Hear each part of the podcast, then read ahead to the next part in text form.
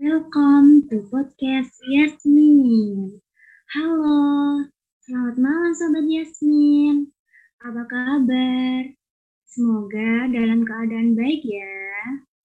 Saya ucapkan terima kasih kepada sumber dan teman-teman yang telah menyempatkan waktunya untuk mengikuti podcast pada malam hari ini. Oh iya, karena ini podcast, gak mungkin dong saya sendirian.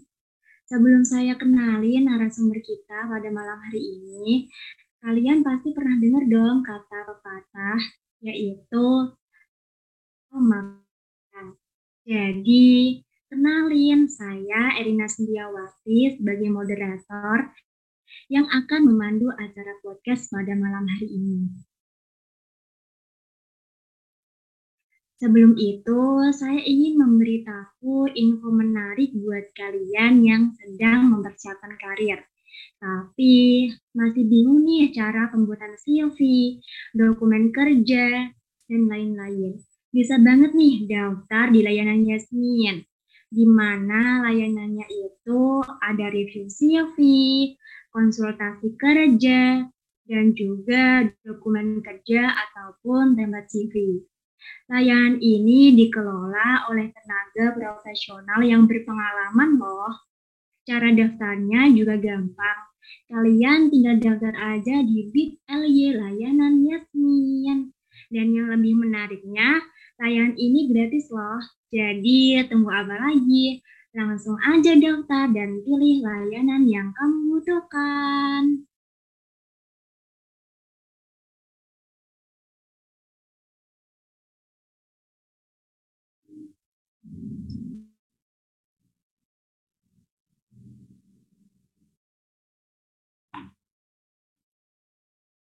Pada malam ini kita akan membahas topik tentang how to deal with a toxic work environment. Bagaimana menghadapi lingkungan kerja yang toksik.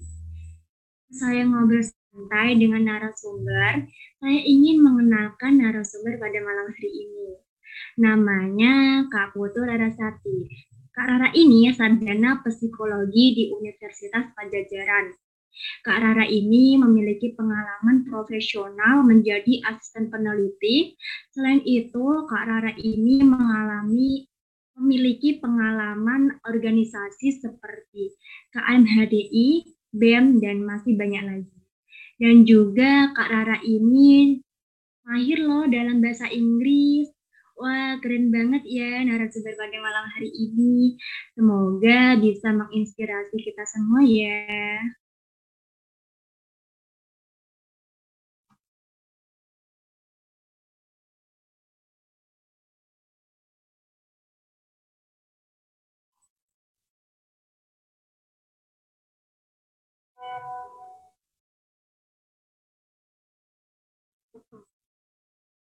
Lingkungan yang toksik memberikan dampak yang signifikan terhadap kesehatan fisik dan mental kita. Sekalipun kita berusaha keras, jika kita selalu merasa sulit, tidak nyaman dengan lingkungan pekerjaan yang toksik ini, mungkin kita menghadapi beban kerja yang tidak realistis. Hal ini dapat menyebabkan kecemasan dan depresi tinggi. Pada kesempatan kali ini, itu semua akan dibahas oleh narasumber kita yang sangat luar biasa. Langsung saja kita sapa pada malam hari ini. Halo Kak Rara, apa kabar Kak? Halo, halo Erina, halo teman-teman. Kabar baik, Erina gimana kabarnya? Alhamdulillah baik Kak. Kalau boleh tahu Kak Rara lagi sibuk apa aja nih Kak? Mungkin bisa diceritakan sedikit kesibukannya sekarang? Boleh, aku sekarang sih mungkin kesibukannya sama dengan teman-teman ya. Lagi sibuk kuliah online juga karena lagi melanjutkan S2. Kemudian juga lagi aktif nih untuk mengedukasi kesehatan mental di platform yang namanya Social Connect. Itu aja mungkin ya. Nah, seperti yang sudah saya singgung tadi, kali ini kita akan membahas tentang how to deal with a toxic work environment. Bagaimana menghadapi lingkungan kerja yang toksik. Langsung aja Kak untuk uh, pertanyaan pertama.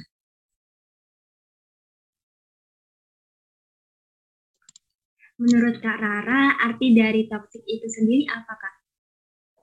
Oke, kalau menurutku sih arti toxic itu bisa bervariasi ya. Dia tergantung sama konteksnya.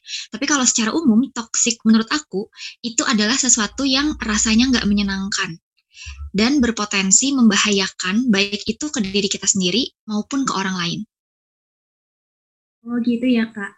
Kalau menurut aku sih toxic sendiri itu kayak nggak nyaman dengan situasi sehingga mengeluarkan kayak emosi gitu kak. Iya benar. Gitu. Menurut kakak lingkungan kerja yang toxic itu yang seperti apa ya kak? Oke, kalau aku sendiri ya sebenarnya aku pribadi percaya bahwa lingkungan kerja itu tuh harusnya menjadi wadah kita untuk mengembangkan diri. Jadi sangat wajar kalau misalnya di dalamnya ada tantangan. Nah, tapi kalau misalnya ketika kita berkegiatan di satu tempat kerja gitu ya, terus kita terus-menerus merasa buruk, kita nggak semangat, dan tantangan yang diberikan justru destruktif ke diri kita dalam jangka waktu lama, nah itu sih ya aku sebut lingkungan kerja yang toksik. Iya, benar juga, Kak. Oh iya. Apa saja sih, Kak, tanda-tanda dari lingkungan kerja yang toksik itu, Kak? Hmm, sebenarnya sih pendapat tiap orang tuh mungkin beda ya tentang uh, tempat kerja yang toksik gitu. Tapi kalau menurutku sendiri ada beberapa tanda umumnya. Yang pertama itu ada dari segi komunikasi. Biasanya komunikasinya buruk. Contohnya, atasan nggak ngasih kesempatan buat bawahannya mengemukakan pendapat. Atau misalnya di dalam timnya tuh nggak ada active listening. Jadi semuanya mau ngomong terus gitu ya, nggak ada yang mau mendengar. Terus yang kedua, biasanya tuh ada klik atau geng pertemanan gitu yang ngebuat orang lain merasa tereksklusi atau dikucilkan. Nah, biasanya sih ini diperparah dengan adanya perilaku menggosip gitu ya, atau menjelekkan rekan kerja lain dan juga bullying. Kemudian yang ketiga itu dari segi leadershipnya. Biasanya sih kepemimpinannya juga buruk bentuk perilakunya bisa macam-macam. Misalnya nih contohnya bos yang micromanaging, di mana dia tuh secara konstan gitu ya mengkritik tim, mengontrolnya berlebihan, terus nggak ada umpan balik yang konstruktif dan nggak ada ruang buat belajar. Atau contoh lainnya tuh biasanya suka ada ya bos yang dia tuh selalu melimpahkan kesalahan atau kegagalan itu tuh ke bawahannya tanpa dia mengevaluasi kinerjanya sendiri. Yang ketiga, Terus yang keempat, menurut aku toxic itu kalau nggak ada work-life balance. Jadi tuntutan kerjanya tuh biasanya melebihi kesepakatan di awal dan nggak mempertimbangkan kesanggupan dari karyawannya. Si karyawannya jadi nggak ada waktu jeda kan ya buat istirahat dan mau nggak mau mereka tuh harus mengorbankan waktu tidurnya atau waktu bersama keluarga. Itu juga menurutku toxic. Lalu yang terakhir, yang kelima sih menurut aku disebut toksik kalau nggak membuat karyawannya itu berkembang. Misalnya jenjang karirnya nggak jelas, beban kerjanya nggak sebanding dengan kemampuan karyawan, bisa lebih rendah atau lebih tinggi gitu ya, nggak pas. Juga nggak ada kesempatan eksplor diri, nggak ada mentoring dari pimpinan, dan ngebuat kita tuh sebagai karyawan ngerasa stuck gitu. Di situ-situ aja, nggak ada keterampilan yang bertambah. Itu sih menurutku lima tanda umum lingkungan kerja yang toksik. Oke, paham Kak. Terus uh, apa penyebab lingkungan kerja bisa menjadi toksik Kak? Hmm, kalau misalnya kita mengaca dari yang tadi ya, dari tanda-tandanya, menurutku kesimpulannya atau garis besarnya tuh bisa kita ambil tiga sih. Dari value, leader, sama si karyawannya. Kalau dari value, biasanya lingkungan kerja tuh jadi tok perusahaannya dia belum menguraikan dan belum mengartikulasikan nilai-nilai atau value inti dari perusahaan. Value itu kan seharusnya jadi dasar ya yang membentuk suatu organisasi, jadi panduan buat kita berkegiatan gitu. Nah, ketika itu nggak diimplementasikan, sistemnya biasanya jadi kacau dan akhirnya toksik buat orang-orang di dalamnya. Jadi semuanya tuh bertindak semaunya gitu, nggak mengikuti nilai dasar apa sih yang dipegang. Kemudian yang kedua dari leader, menurutku kalau si pemimpinnya kualitas kepemimpinannya buruk, terus dia nggak ngasih umpan balik reguler gitu ya, jadinya nggak ada ruang nih buat karyawannya berkembang. Biasanya si karyawan jadi kurang terstimulasi dan cenderung melakukan sesuatu tuh um, sebatas ya udah karena biasanya juga seperti itu, nggak ada inovasinya jadinya. Lalu yang ketiga dari segi karyawan, biasanya lingkungan kerja lingkungan kerja itu jadi toksik kalau karyawannya itu motivasinya rendah atau sikap kerjanya buruk yang akhirnya ngaruh juga tuh ke kinerja karyawan yang lain. Itu sih. Oh gitu ya kak. Mm -mm. Hmm, bagaimana cara menghadapi toxic positif itu kak yang tadi bilang ke bilang dijelaskan tadi? Yang... Oke. Okay. Toxic positivity ya, Rin ya? Iya. Oke, okay. kalau kita ngomongin toxic positivity ya, ini kayaknya salah satu bagian dari toxic. Mungkin akan berbeda dengan toxic secara umum di lingkungan kerja, tapi ini juga salah satu yang jadi tantangan juga nih. Kita perlu pahami dulu definisinya, toxic positivity itu adalah kondisi ketika kita dituntut atau kita menuntut diri kita sendiri untuk selalu dalam kondisi yang bahagia, apa pun kejadiannya biasanya kita tuh jadi nggak membiarkan diri kita untuk menyadari perasaan sesungguhnya yang nggak nyaman, kayak sedih, marah, kesal, sebagainya. Nah, kalau misalnya nih ada di antara teman-teman pendengar di sini ya yang menjadi korban dari toxic positivity di kantor, yang pertama sadari dulu bahwa emosi negatif itu normal. Itu tuh bagian penting dari pengalaman kita. Kemudian yang kedua, identifikasi deh. Terus namain emosi yang lagi kita rasain tuh apa sih dibanding menghindari. Karena emosi yang kita rasakan itu valid. Lalu yang hmm. ketiga, coba bicarakan si emosi itu yang dirasakan ke rekan kerja lain atau orang lain yang kita percaya, yang ngebuat kita merasa nyaman, supaya kita nggak merasa sendiri. Lalu yang keempat, yang terakhir nih ya, coba cari dukungan dari orang sekitar yang nggak menghakimi. Nggak harus rekan kerja, bisa siapa pun ya, keluarga, teman, pasangan, siapa pun di luar lingkungan kerja yang dianggap nyaman dan suportif. Tapi perhatikan juga jangan sampai kita jadi pelakunya nih teman-teman ya toxic positivity di tempat kerja. Jadi kalau misalnya kita uh, sebagai rekan kerja, pastikan kita itu membiarkan teman kita untuk mengekspresikan emosinya, kemudian kita validasi perasaannya dan hindari memberikan judgement. Jadi sebagai teman lebih baik kita menjadi pendengar yang baik supaya si positivity ini nggak membudaya nih di kantor. Itu sih kalau dari aku. Oh gitu ya kak. Uh, setelah menyadari bahwa berada dalam lingkungan kerja yang toksik, apa yang harus dilakukan kak? Oke, kalau udah menyadari ya, yang pertama aku apresiasi dulu kalau teman-teman udah bisa menyadari karena awareness atau kesadaran itu tuh langkah pertama dari setiap solusi apa pun. Gitu. Jadi yang pertama sadari dulu. Terus kalau teman-teman udah sadar nih ya, mungkin bisa merefleksikan tanda-tanda lingkungan toksik yang tadi udah sampai aku sampaikan.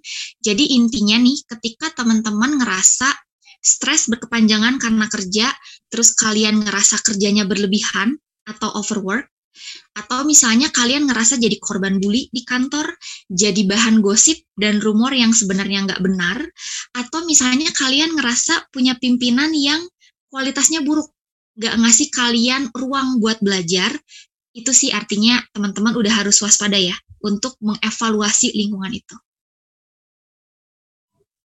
Hmm, gitu. Uh, cara agar kita tetap dalam keadaan sempurna, akal atau waras gitu kak, walaupun berada di lingkungan toksik itu kayak gimana kak? Oke, yang pertama menurutku ya untuk supaya tetap waras gitu, Uh, yang pertama tuh adalah fokus aja deh sama tujuan dan tugas kalian di kantor. Ingat lagi kenapa kalian mau kerja di perusahaan ini, kenapa kalian daftar di bidang ini, supaya tetap termotivasi. Lalu hmm, yang kedua, juga. ya benar kan? Lalu yang kedua, coba bersikap baik dan ramah ke rekan kerja lain. Bahkan pada mereka yang menurut kalian toksik ya.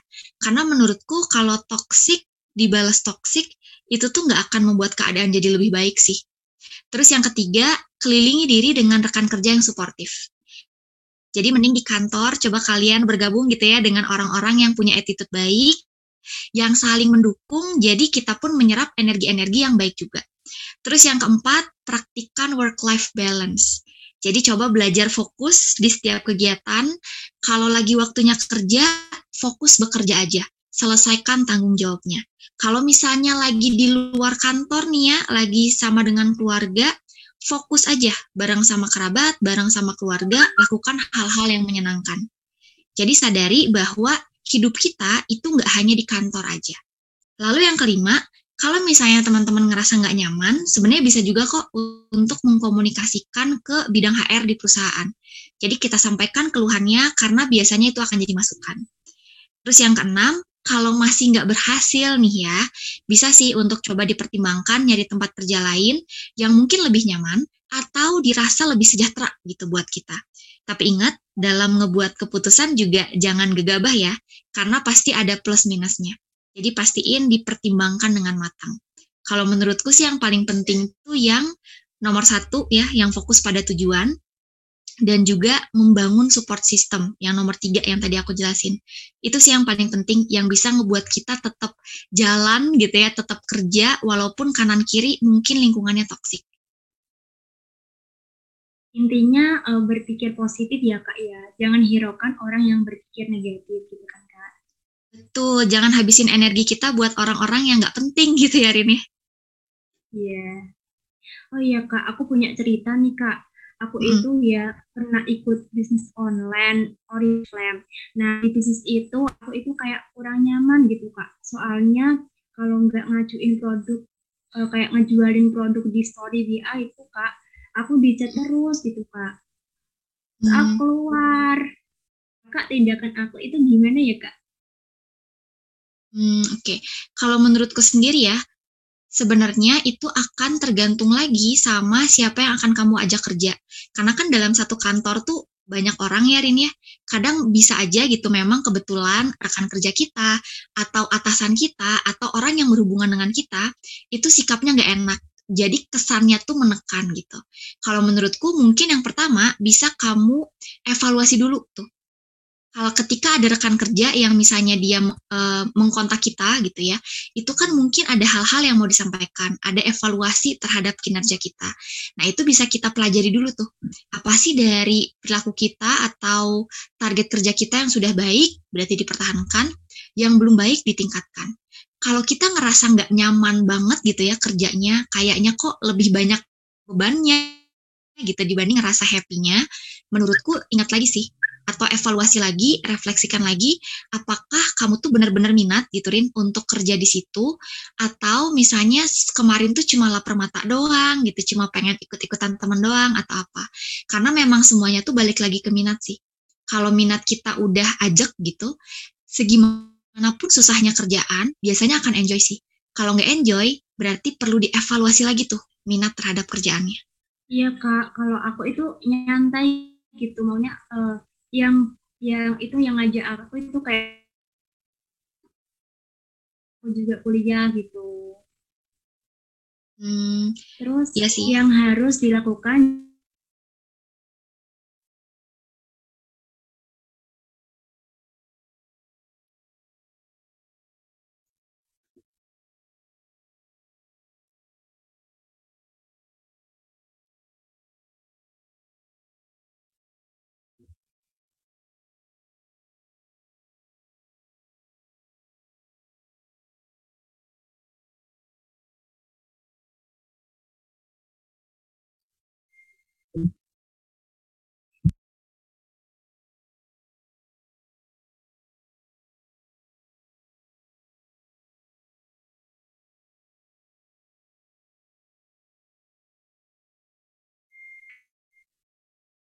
Uh, Kak Raras, maaf ya moderatornya kayaknya lagi ada kendalanya. Oke, siap. Nggak apa-apa, audisi. Aku pikir di aku aja. Sip, sip. Sebentar ya, Kak. Di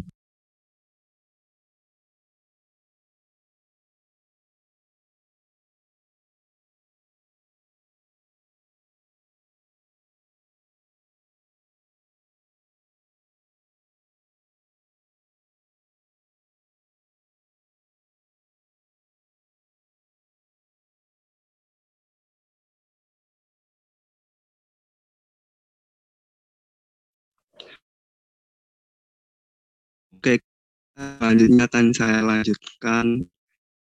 Jadi kakak nih, kalau udah berhenti dari pekerjaan itu, apa yang harus diperlukan untuk menghindari lingkungan kerja yang toksik? Oke, berarti untuk menghindari lingkungan kerja yang toksik berikutnya gitu ya?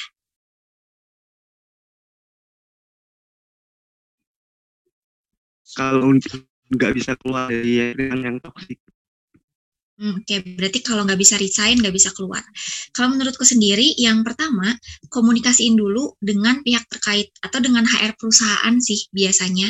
Karena kita juga perlu nih untuk membenahi masalah utamanya. Siapa tahu memang ada sesuatu yang bisa... Oh, oke.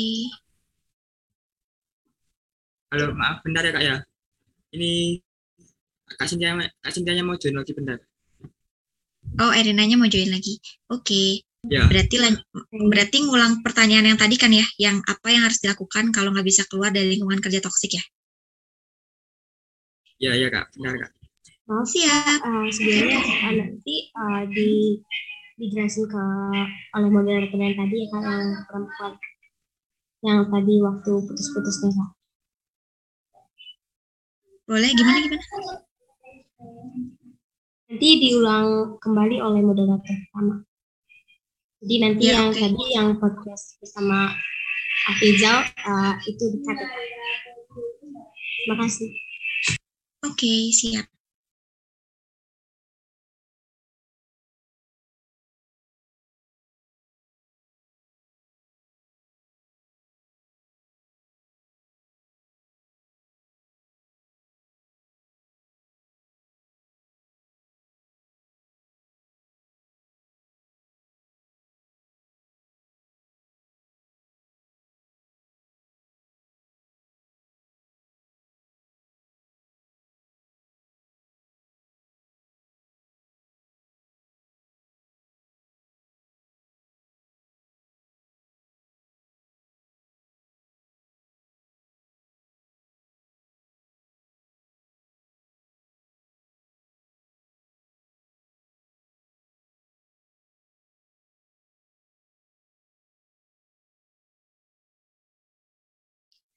Sambil nunggu, aku mau nanya dong, kalau tadi suara aku ada yang putus-putus atau berisik di background nggak ya?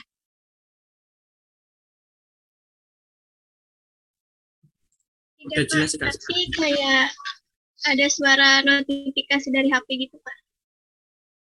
Oh, tapi aku nggak buka apa-apa sih. Aku juga nggak dengar tuh tadi suara notifikasi HP, tapi nggak tahu dari siapa ya.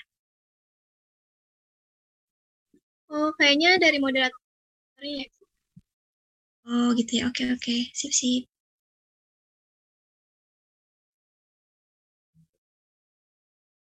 Kalau kayak gitu perlu diulang lagi atau gimana ya? Dengeran nggak ya nanti di podcastnya?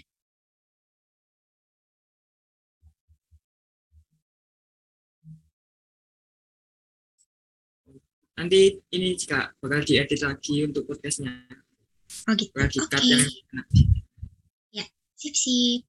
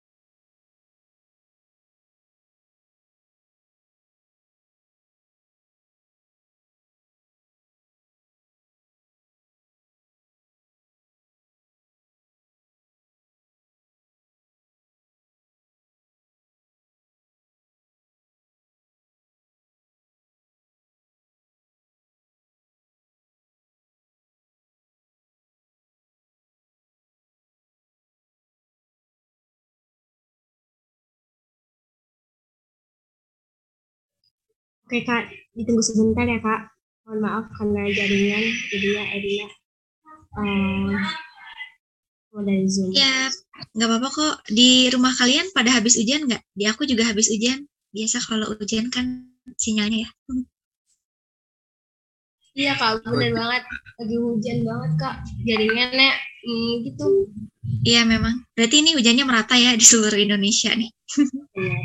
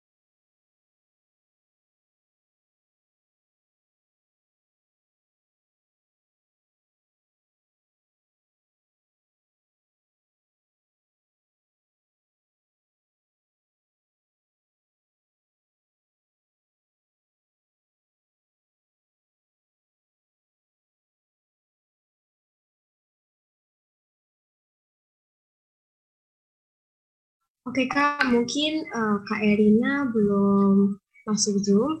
Uh, berarti uh, saat ini aku yang lanjutin ya Kak. Boleh Tari, oke. Okay. Oke, okay, terima kasih Kak. Oke, okay, uh, pertanyaan berikutnya itu apa yang harus dilakukan jika kita tidak bisa keluar dari lingkungan kerja yang toksik menurut kakak? Oke, kalau menurut aku sendiri ya, yang pertama itu kita komunikasiin dulu nih dengan pihak yang terkait atau HR perusahaan biasanya. Karena itu tuh upaya kita untuk membenahi masalah utamanya. Biasanya memang kalau ada masalah karyawan, masalah di kepemimpinan, itu tuh HR yang punya wewenang. Jadi kita bisa kontak, kita bisa sampaikan keluhan, itu dulu. Tapi kalau misalnya nggak berhasil gitu ya, menurutku ya udah kita hindari aja potensi masalahnya dan fokus aja membangun support system. Jadi kita hindari tuh interaksi yang nggak sehat gitu ya, dan kita bergaul dengan rekan kerja yang memang memberikan positive vibes, yang saling mendukung satu sama lain. Jadi kita jangan menghabiskan energi untuk hal-hal yang nggak bermanfaat sih menurut aku.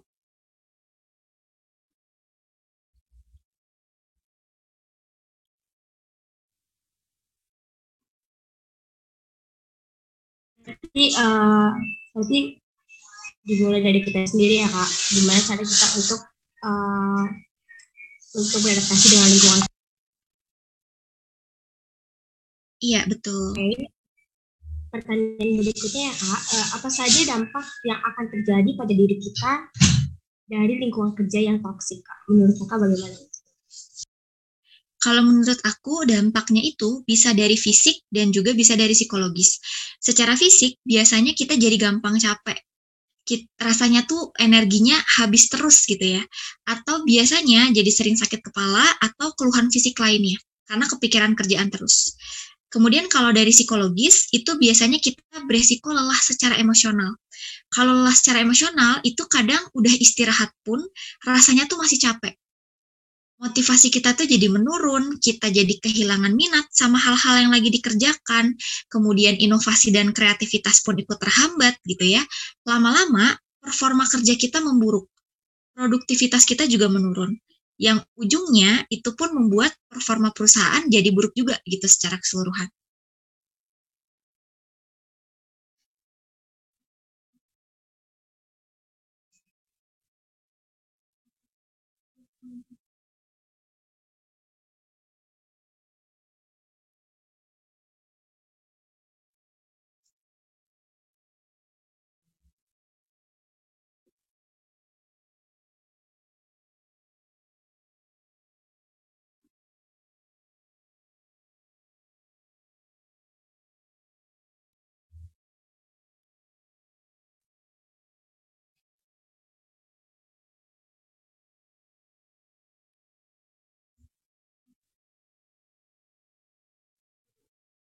Oh, jadi kalau misalnya untuk dampak itu benar-benar bukan fisik kita ya, Kak.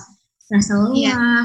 ini karena lingkungan yang toksik itu, jadi kita merasa bahwa kita jadi nggak semangat gitu dengan dengan kerja kita gitu. Oke Kak, hmm, berikutnya apakah bisa memulai work-life balance di lingkungan kerja yang toksik? Kalau menurutku sih tentunya bisa ya, gitu. Karena work-life balance itu tuh kontrolnya di kita kita yang mengendalikan diri untuk bisa seimbang nih antara work dan life-nya. Nah, cara-cara yang mungkin teman-teman pendengar di sini bisa coba ya. Yang pertama itu adalah coba dulu untuk mengevaluasi keseimbangan kerja. Jadi kita sadari saat kapan sih kita mulai kewalahan di tempat kerja, terus kita coba komunikasikan tuh rekan kerja. Diskusikan solusinya, minta bantuan kalau memungkinkan. Lalu yang kedua, kerja cerdas, bukan cuma kerja keras kerja cerdas tuh maksudnya gimana kak? Nah maksudnya gini, kalau teman-teman kerja cerdas, eh, teman-teman itu akan membuat prioritas kerjaan yang harus dilakukan di hari itu. Dijadwalkan, hindari distraksi, fokus kerja di jam kerja. Jadi misalnya teman-teman kerja dari jam sekian sampai jam sekian gitu ya. Di jam kerja itu kalian fokus untuk menyelesaikan to-do list yang sudah kalian buat di pagi hari. Jadi jangan dipakai buat scrolling media sosial ya gitu. Nanti jadinya nggak selesai kerjaannya. Nah, kenapa ini penting? Supaya nanti pas jam kerja selesai, itu tuh nggak ada sisa kerjaan yang belum selesai. Nggak ada sisa kerjaan yang kalian bawa ke rumah. Jadi di rumah bisa fokus untuk berinteraksi dengan keluarga. Nah, itu yang namanya kerja cerdas. Lalu yang ketiga, jadwalkan waktu istirahat yang berkualitas. Jadi misalnya teman-teman mungkin bisa coba untuk melakukan peregangan, tidur cukup gitu ya, 6 sampai 8 jam buat orang dewasa, jadi hindari begadang ya. Kemudian juga teman-teman bisa coba untuk matikan notifikasi HP kalau perlu, supaya pas kita lagi istirahat nggak kepikiran kerjaan, nggak terdistraksi sama notifikasi di grup WhatsApp kantor gitu ya. Itu juga bisa. Atau yang keempat nih, yang terakhir, itu dengan cara menjadwalkan kegiatan untuk bersantai. Jadi yang namanya penjadwalan itu bukan cuma buat kerjaan aja, tapi juga buat kegiatan bersantai. Alokasikan waktu buat orang-orang tercinta gitu ya, keluarga, teman, pasangan, bahkan kalau perlu kita komunikasikan ke rekan kerja lain. Supaya rekan kerja lain tahu bahwa misalnya di weekend atau di malam hari itu kita nggak bisa diganggu. Jadi kita full rehatnya tanpa mikirin kerjaan. Nah, dari keempat poin ini, menurut aku sih bisa disimpulkan ya, kalau keseimbangan itu tuh bukan sesuatu yang kita tunggu buat kita temukan, tapi sesuatu yang kita buat sendiri. Jadi boleh kok teman-teman mulai hidup seimbang nih dari sekarang, walaupun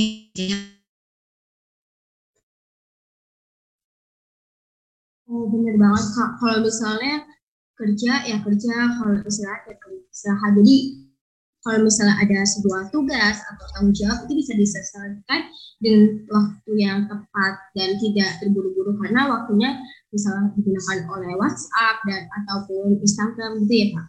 Betul. Oke kak, uh, untuk pertanyaan berikutnya menurut kakak lingkungan kerja yang saat itu seperti apa ya? Oke, kalau menurut aku pribadi ya, ini berdasarkan pengalaman dan juga survei kecil-kecilan ke teman-teman terdekat. Lingkungan kerja yang sehat itu adalah yang pertama, ada keterbukaan dalam komunikasi antar rekan kerja. Jadi nggak saling ngomongin di belakang gitu, nggak saling diem-dieman, semuanya terbuka. Kemudian yang kedua, ekspektasinya realistis. Jadi beban kerjanya itu masih bisa mengimbangi kemampuan karyawan. Nggak lebih rendah, nggak pun lebih tinggi. Kemudian yang ketiga, ada rewards dan recognition untuk mengapresiasi pencapaian dari karyawan itu. Lalu yang keempat, mendukung karyawannya untuk menerapkan work-life balance. Jadi mengurangi jam lembur, kemudian juga memastikan ketika waktunya libur, atau misalnya ketika karyawan yang ngambil cuti, itu tidak dibebankan dengan beban kerja, tidak dibebankan dengan tugas kerja. Jadi bisa fokus untuk beristirahat. Lalu yang kelima, menurutku lingkungan kerja dia itu memfasilitasi keberagaman dan inklusivitas jadi di dalamnya nggak ada stigma, nggak ada diskriminasi, semua orang bisa mengembangkan potensinya semaksimal mungkin terlepas dari ras, suku, agama, gender, dan sebagainya. Itu ya kalau menurut pandangan pribadiku.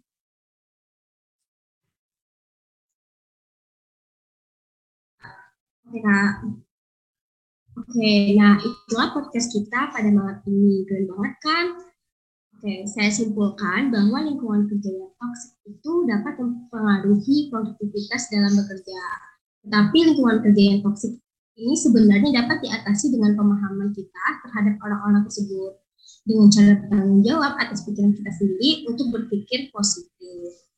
Jadi apabila kita dihadapkan oleh lingkungan toksik, kita harus mengolah pikiran kita untuk hal-hal positif dan jangan sampai lingkungan tersebut mempengaruhi kita. Sayang sekali karena keterbatasan waktu, podcastnya harus berhenti di sini. Semoga teman-teman mendapatkan manfaat serta pengetahuan dalam menghadapi lingkungan kerja yang berlangsung ini. Dan jangan lupa nantikan podcast selanjutnya di Spotify dan YouTube Yasmin ya. Oke, terima kasih Kak Putu untuk menjadi moder menjadi speaker dalam podcast Yasmin ini. Terima kasih Kak. Sama-sama, semoga bermanfaat ya teman-teman. Saya Erina Sintiawati, selaku moderator izin pamit undur diri dan saya berterima kasih kepada Kak Putu dan Asati sebagai narasumber yang telah berkesempatan mengisi acara podcast pada malam hari ini. Sekian dan terima kasih. Selamat malam.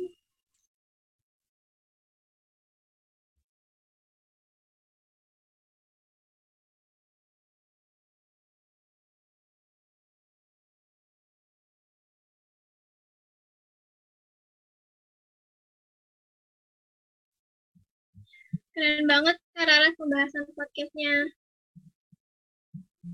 Yeay, terima kasih teman-teman. Nah, sekarang